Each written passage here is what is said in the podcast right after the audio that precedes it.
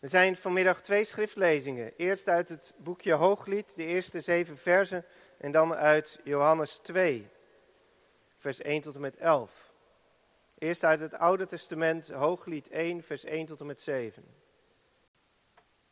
We lezen het boek Hooglied, hoofdstuk 1, vers 1 tot en met 7. Het Hooglied dat van Salomo is.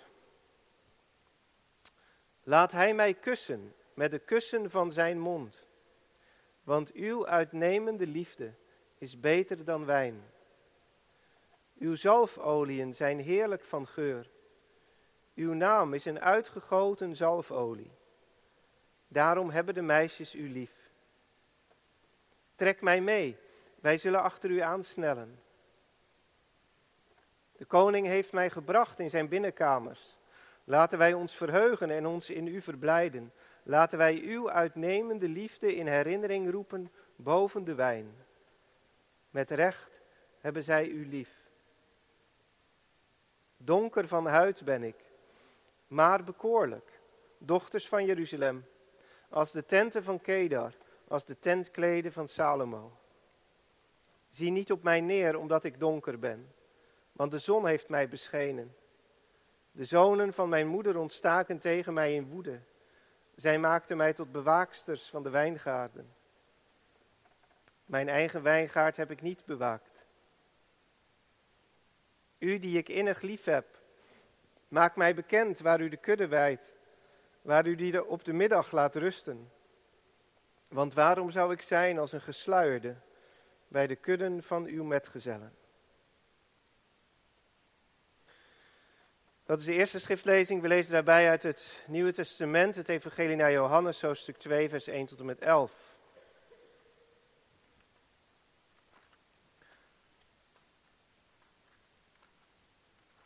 Johannes 2, vers 1 tot en met 11. De bruiloft te Cana.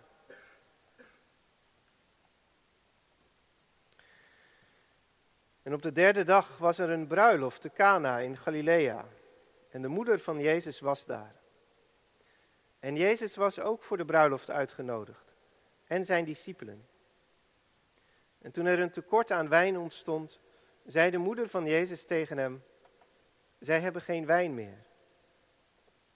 Jezus zei tegen haar: Vrouw, wat heb ik met u te doen? Mijn uur is nog niet gekomen. Zijn moeder zei tegen de dienaars: Wat hij ook tegen u zeggen zal, doe het.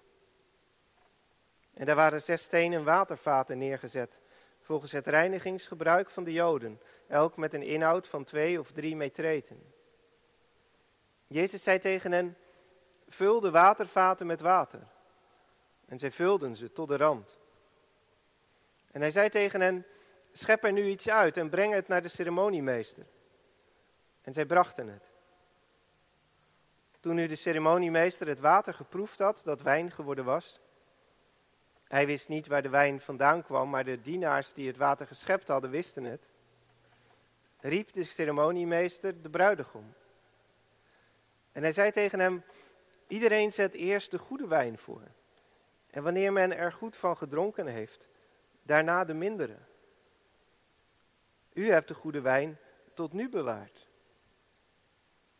Dit heeft Jezus gedaan als begin van de tekenen, te Cana in Galilea, en hij heeft zijn heerlijkheid geopenbaard. En zijn discipelen geloofden in hem. Dit zijn de schriftlezingen van vanmiddag. Zalig zijn we als we het woord van God horen en in ons hart bewaren. Amen.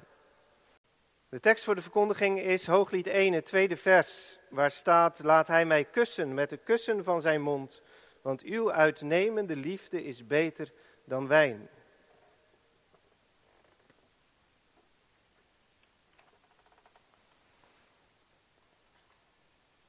Gemeente van Christus, uh, misschien zijn hier ook sommige mensen in de kerk, jongeren of misschien ook iets minder jongeren, die uh, wel eens naar gospelmuziek luisteren, uh, christelijke popmuziek.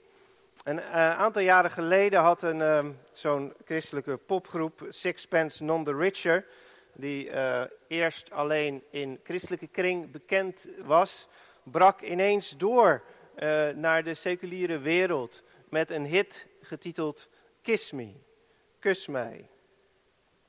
Tallozen werden ineens door dat lied aangesproken. Ehm, door de muziek, ongetwijfeld, maar ik dacht eigenlijk toch misschien ook door de tekst. Over een meisje dat droomt over een toekomst met haar lief en zingt: Kus mij. Dat klonk eigenlijk veel intiemer dan de recht toe recht aan seks, waar het in veel popmuziek veel vaker over gaat. Seks hebben met iemand is niet zo ingewikkeld, maar kun je ook kussen en kun je je laten kussen. Voor veel prostituees schijnt het ook letterlijk zo te zijn. De klanten mogen alles met ze doen, maar ze mogen hen nooit op de mond kussen. Dat doen ze alleen met iemand van wie ze echt houden. Een kus is in zekere zin het meest intieme wat er is. Het meest waarachtige teken van liefde. Als je dat hebt gezien, dan begrijp je ook waarom het verraad van Judas, waar we in de week voor Pasen, in de stille week, bij hebben stilgestaan, zo verschrikkelijk was. Jezus zei tegen Judas, Judas, verraad jij de zoon des mensen met een kus?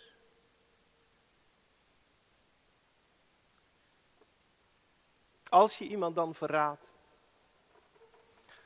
spuug hem dan in zijn gezicht of sla hem in zijn gezicht. Dat is tenminste een helder teken, ondubbelzinnig. Maar Judas verraadde Jezus met een kus.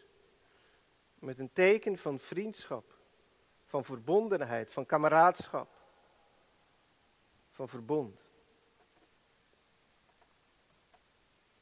En daarmee verdraaide hij het mooiste tot het gruwelijkste. Jezus had hem uitgekozen in de kring van zijn nauwste discipelen, zijn nauwste volgelingen. Maar in die kring ontstaat dan ook dat gruwelijke verraad. En daarmee wordt ons natuurlijk ook iets over het heden verteld, over de kerk, over, over ons en onze verhouding tot Jezus. Daarmee wordt ons natuurlijk verteld dat het grootste gevaar nooit uit de wereld komt.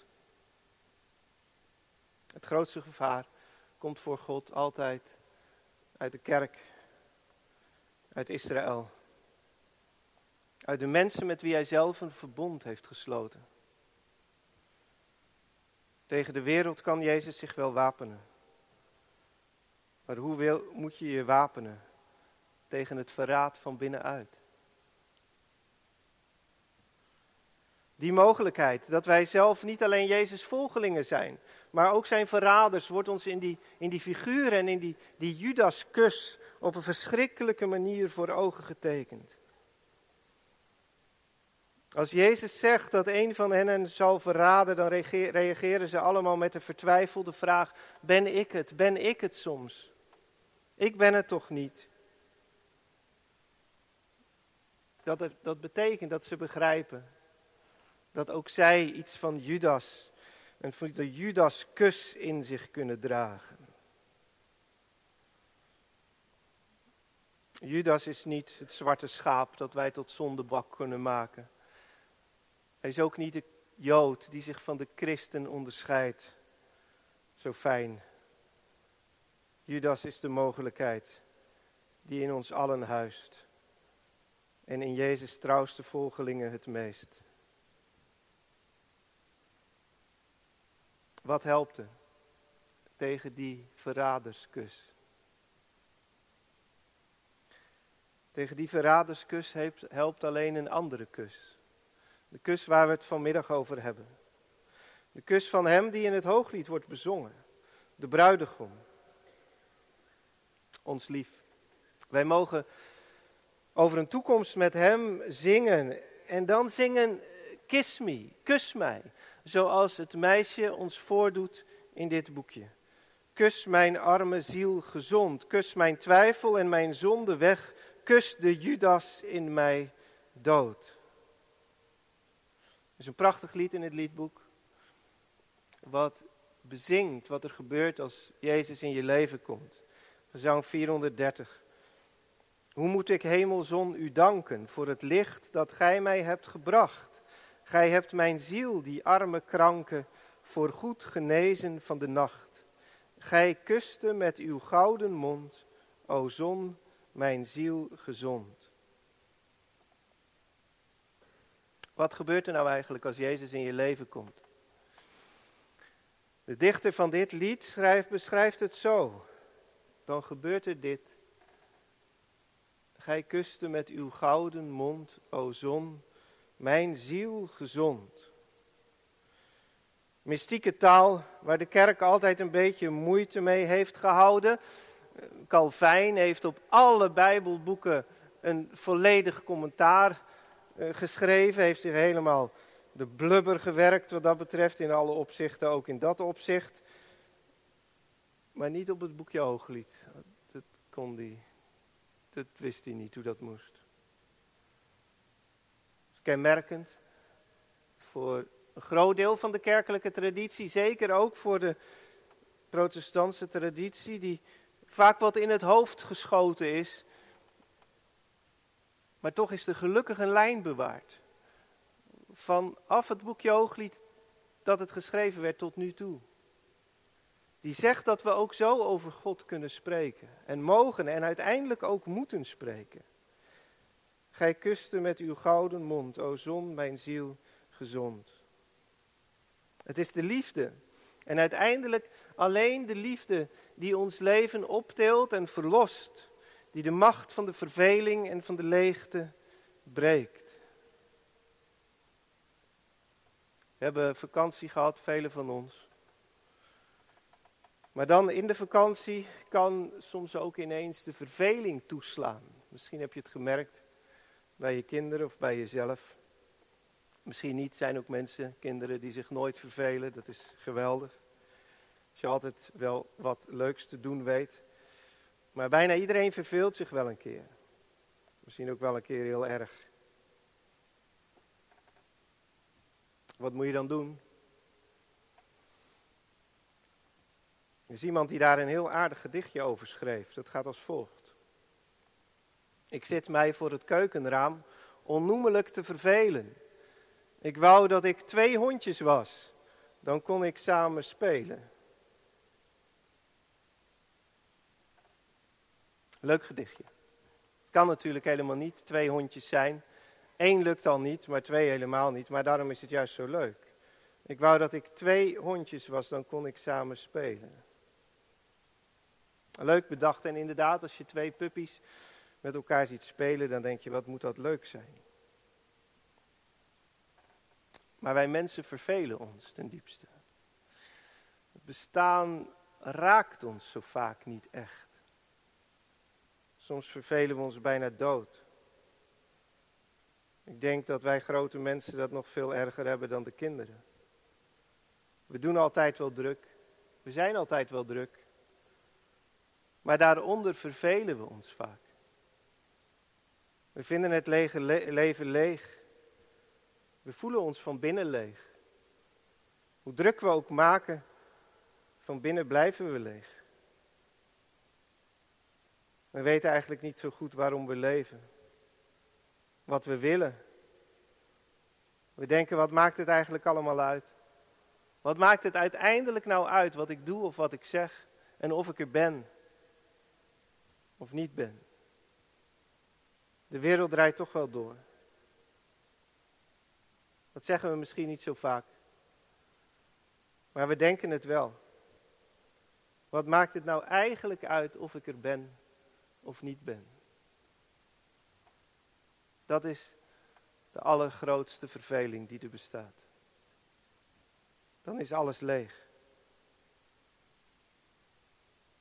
Wat helpt daar nou tegen? Nou ja, dat je twee hondjes was, dan kon je samen spelen. Maar ja, dat gaat niet, hè. Maar er is iets dat daarop lijkt. Er is iets dat daarop lijkt en dat, dat, dat daar zo op lijkt dat het ons tegelijk ook nog met God verbindt. En dat is de liefde. Dat is dat je iemand vindt om van te houden. Dat is het mooiste wat er is. Dan verveel je je niet meer. Dan ga je weer samen spelen. Dat is houden van. Dat je weer samen gaat spelen. Dat je weer gaat begrijpen. Het is goed dat ik er ben, want er wordt van mij gehouden. We spreken niet voor niets over de liefde als spel. Het liefdespel. Wie zegt dat het leven een spel is, die zegt dat het uiteindelijk niet onze verantwoordelijkheid is. En dat is toch ook precies wat het Evangelie zegt. Het leven is uiteindelijk niet onze verantwoordelijkheid. God is ons deel, ons zalig lot. Hij valt ons toe als een lot. Zijn liefde valt ons toe en omringt ons. Hij heeft ons uitverkoren en bemind met een eeuwige liefde. En daarom kan het leven ten diepste niet stuk en kunnen wij niet falen of mislukken, want wij zijn bemind. En daarom mogen wij spelen. Het spel van de liefde spelen. Met God en met elkaar. En daarom hoort het boekje Hooglied niet aan de rand van de Bijbel, zoals zo vaak gedacht is. Maar het vormt er, als je het goed begrijpt, de kern van. Het is wel vaak gedacht en gezegd en het is ook heel begrijpelijk. Het is vanaf het ontstaan ook omstreden geweest. Er is gewoon op vergaderd, op kerkvergaderingen. In Israël en in de kerk moest het eigenlijk wel bij de kanon, bij de boeken van de Bijbel horen. Zo menselijk is het gegaan, dat boek wel, dat boek niet. Over Hooglied moesten ze lang nadenken. En dat is ook wel begrijpelijk, want het is heel wereldlijk ontstaan waarschijnlijk. Het is ontstaan als een verzameling liefdesliederen die gezongen zijn op de bruiloften in Oud-Israël. Het heeft een beetje een musical-achtige structuur haast. Je ziet het er in nieuwe Bijbelvertalingen, zetten ze het in de kantlijn bij. Eh, je hebt een, een hij-figuur, eh, de bruidegom of de, de jongen. En je hebt de, de, de vrouwenfiguur, het meisje. En, en dan heb je een koor en dat geeft eigenlijk commentaar op de gebeurtenissen. Op wat man en vrouw naar elkaar toe zingen. En dat is begonnen waarschijnlijk als bruiloftsliederen in Oud-Israël. En dan denk je, ja, moet dat nou in de Bijbel? Ja, een beetje erg aards. Een beetje erg gewoon. Maar als je dan gaat denken van, ja, maar God is toch ook toch ook de schepper van het, van het leven. Eh, is toch ook de schepper van, het, van de liefde. Als je dan gaat denken aan Adam en Eva in het paradijs, dan wordt het al een beetje anders. Zij waren naakt en schaamden zich niet. Na dat zinnetje in Genesis 2 kun je eigenlijk zo het hele boekje Hooglied inpluggen. Daar past het eigenlijk perfect. En, en wij zijn toch schepping van God. Nog steeds. Het leven is goed. Het geschapen leven, inclusief alles wat erbij hoort en alle lichamelijkheid is goed. Toen men dat zag, werd het al een beetje anders. En nog meer toen men, toen men vervolgens ging begrijpen. En dat, dat leven van hartstocht, verlangen, elkaar kwijtraken en dan toch elkaar weer vinden. Van hoog en laag ook. Want, want het is een liefde zoals eigenlijk in Hooglied heeft, het, heeft dat procedé bedacht, wat tot in de allermodernste films nog steeds wordt herhaald. Maar Hooglied was het eerste, want die, die, die jongen, die jongen, dat is eigenlijk een prins. Dat is een prins. En dat meisje, dat is een gewoon meisje van het platteland. En de vraag van het boek Hooglied is ook de hele tijd, zullen ze elkaar nou vinden? Die prins en dat meisje procedé waar talloze liefdesfilms tot nu toe op zijn gebaseerd. Maar in Israël zijn ze dus gaan zien dat, dat van dat verschil en dat van die vraag van zullen ze elkaar nou vinden, dat is juist ook de essentie van het verbond tussen God en mens.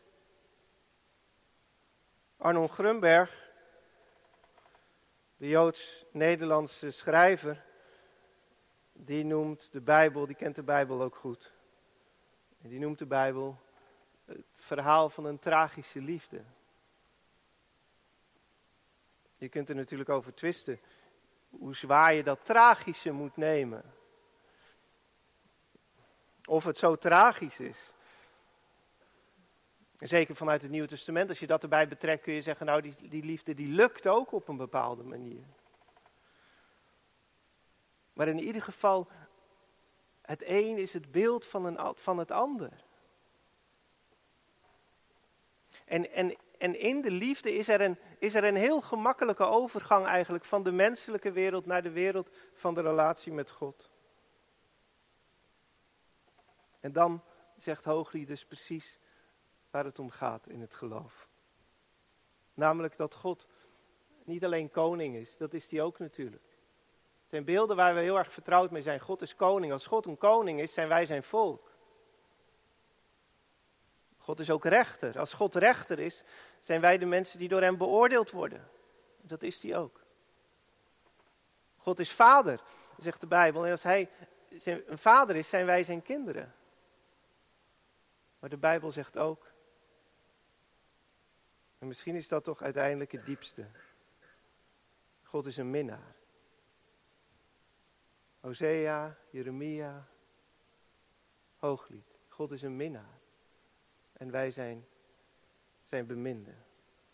Hij zoekt ons als zijn beminden. En Jezus heeft dat heel goed begrepen. Dat op die manier hooglied in de kern van de Bijbel thuis hoort. Want het evangelie van Johannes vertelt dat het eerste dat Jezus doet is naar een bruiloft gaan. Dat was zijn eerste openbare daad. Jezus ging niet als eerste naar een vergadering. Stel je voor dat dat in de Bijbel stond. Jezus is gedoopt. Dan denk je, ga ik nu eerst naar een vergadering. Zou je toch meteen de Bijbel weer dicht doen. Nooit meer open doen. Gelukkig deed hij dat niet. Jezus ging niet als eerste naar een vergadering. Hij ging niet als eerste naar een begrafenis. Hij ging niet als eerste naar een bibliotheek of naar een winkelcentrum.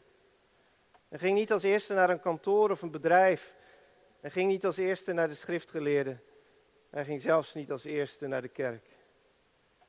Hij ging als eerste naar een bruiloft.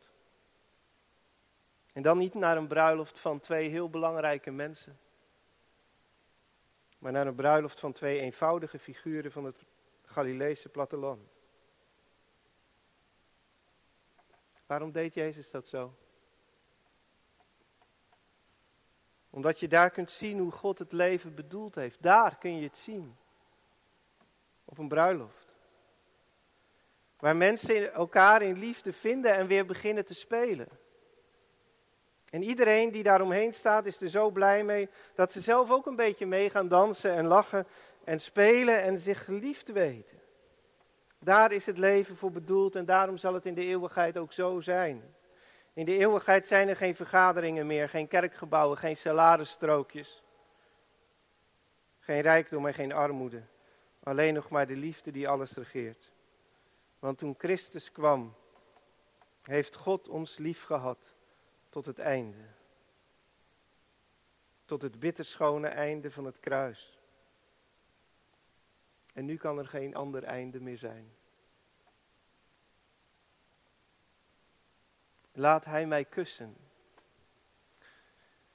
Dat is dus de gewaagde openingszin van het boekje Hooglied. Nu krijgt in, de, in het mannenboek, dat de Bijbel toch wel is, nu krijgt in dat mannenboek de vrouw een keer het eerste woord. En ze zal in dit boekje ook het laatste woord hebben. Zij geeft de toon aan. Maar het had ook best de eerste zin van de Bijbel kunnen zijn. Laat hij mij kussen. Van dat verlangen is de hele Bijbel vol. Dat wij, dat wij God werkelijk ontmoeten. Dat wij ons niet meer zullen vervelen op deze verdoemde aarde. We zullen spelen als kinderen. Hij kuste mij, want hij is zo koninklijk. Als ik zijn naam hoor, bezwijk ik al, zegt het meisje. Hij houdt van mij, al ben ik donker. Al is er van alles mis met mij. Hij ziet niet op mij neer, maar hij nodigt mij in zijn paleis. Aan zijn tafel bij de wijn, waar, maar nog verrukkelijker dan de wijn is zijn liefde. Dat laatste staat er in deze paar versen maar liefst twee keer. In vers 2. Want uw uitnemende liefde is beter dan wijn. En in vers 4 het slot, laten wij uw uitnemende liefde in herinnering roepen boven de wijn. Voor de bruid van het hooglied is de wijn als het ware een teken geworden, zoals aan het heilige avondmaal de wijn ook een teken voor ons is. Een teken van iets dat die wijn nog te boven gaat, namelijk de liefde van God in Christus voor ons. En zij wil zich die liefde in herinnering roepen. Christus op aarde ging het eerste naar een bruiloft. Omdat wij ons, hij wel wist hoe wij ons vervelen. In al maar dezelfde dingen, al maar dezelfde zorgen, al maar dezelfde schuld, al maar dezelfde onmacht, al maar dezelfde schaamte, al maar hetzelfde tekort. Omdat hij wist hoe blij de mensen waren met een bruiloft, omdat die dat leven en die verveling onderbreekt. En dan gieten ze zich vol wijn, want ze zoeken een uitvlucht uit alle verveling. Een uitvlucht in een andere wereld. Jezus komt die andere wereld brengen. De wereld waarin we niet doodgaan van verveling, maar leven. En daarom toen de wijn op was, maakte hij een nieuwe, betere, de beste. Zo heeft hij ons erop gewezen waarom hij kwam. En, en nu mag alles ons spreken van hem. Bij het water denken we aan het water des levens dat hij is. Bij het brood en het brood des levens dat hij is. Bij de zonlicht, het zonlicht van het prachtige voorjaar van, dat wij nu beleven, denken we aan hem die het licht der wereld is en bij de wijn aan hem die de ware wijnstok is. En zo mag je bij alles wat je beleeft denken aan hem die je optilt boven alles wat er is. De liefde tilt ons op. De liefde laat onze donkerte zelfs naar de achtergrond verdwijnen.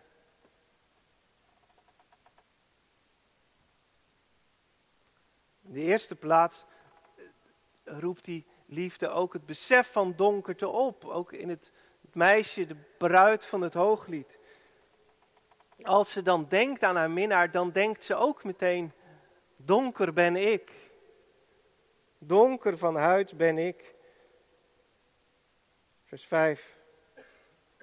Ik zei het al, er zit iets heel erg van hoog-laag in de relatie tussen de jongen en het meisje in dit boekje. De jongen is een prins en zij is een meisje van het land. Daarom speelt ook onzekerheid over of hij haar wel echt wil ook een grote rol in het boekje. Ik denk trouwens dat dat niet alleen komt door dat hoog-laag. Ik denk eigenlijk dat in alle liefde onzekerheid ook een heel fundamentele rol speelt. Alle, alle echte liefde roept juist de vraag ook in je op, maar ik heb die liefde toch niet verdiend. Mijn salaris heb ik, heb ik verdiend, misschien daar heb ik voor gewerkt, maar liefde kun je niet verdienen.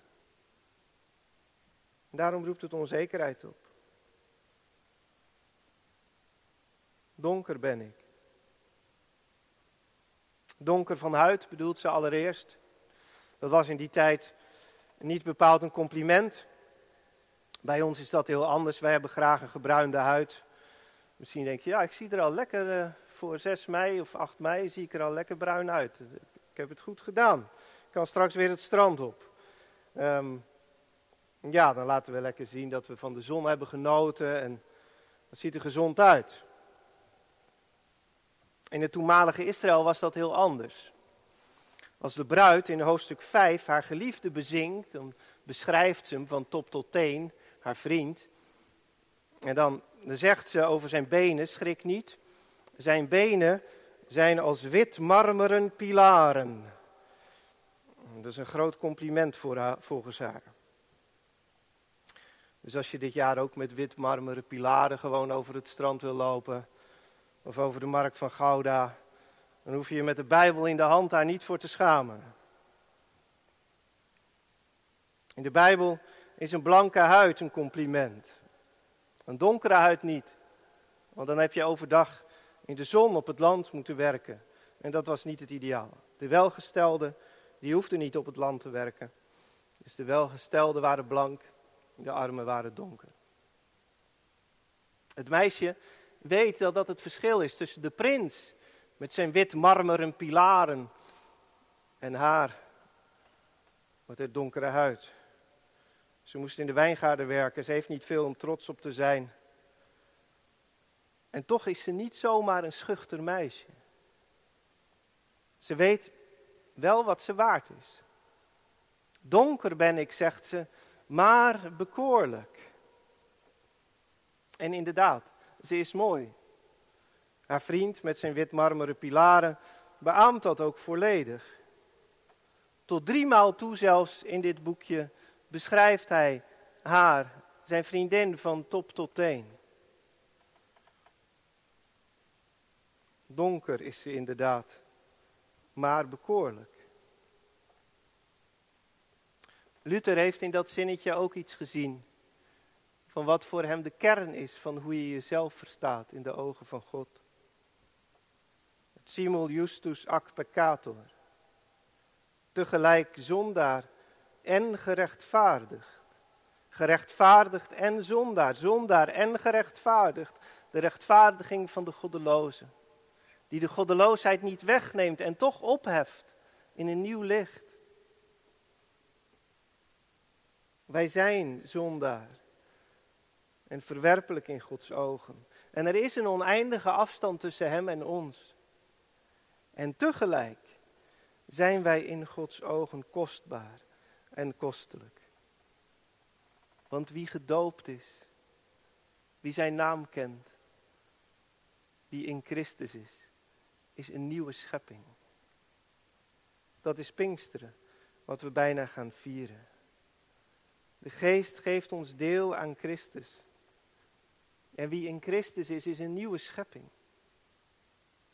Dan komt de schepping weer goed, dan zegt weer terug, dan zegt God opnieuw: Ik zie dat het goed is. Ik zie dat je donker bent, maar je bent ook bekoorlijk. Daarom het gebed om de geest. Kom, scheppergeest. Heilige geest, doorwaai mijn hof, doorwaai onze hof, noordenwind, kom, zuidenwind, doorwaai ons leven. Want God is in de hemel en Jezus ook, maar de geest is op aarde en geeft je nieuwe energie. Geloof er weer in, zou ik zeggen, als het is weggezakt in je leven. Dat het kan gaan waaien. Neem de geest aan die je kan helpen om lief te hebben. En die je ook kan helpen om te aanvaarden dat je geliefd bent. Ja, je bent donker, maar je bent ook waardevol. Je bent vrij in Christus. Je bent een tempel van de Heilige Geest.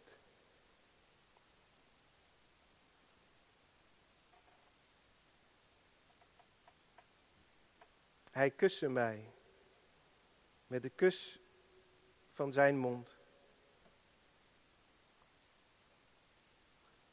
Zoek in je leven eens de weg naar dat beeld van God. Dat Hij niet alleen meer je rechter is. Niet je koning, niet je vader, zelfs niet alleen je vader. Maar ook jouw minnaar. Hij kust je. Amen.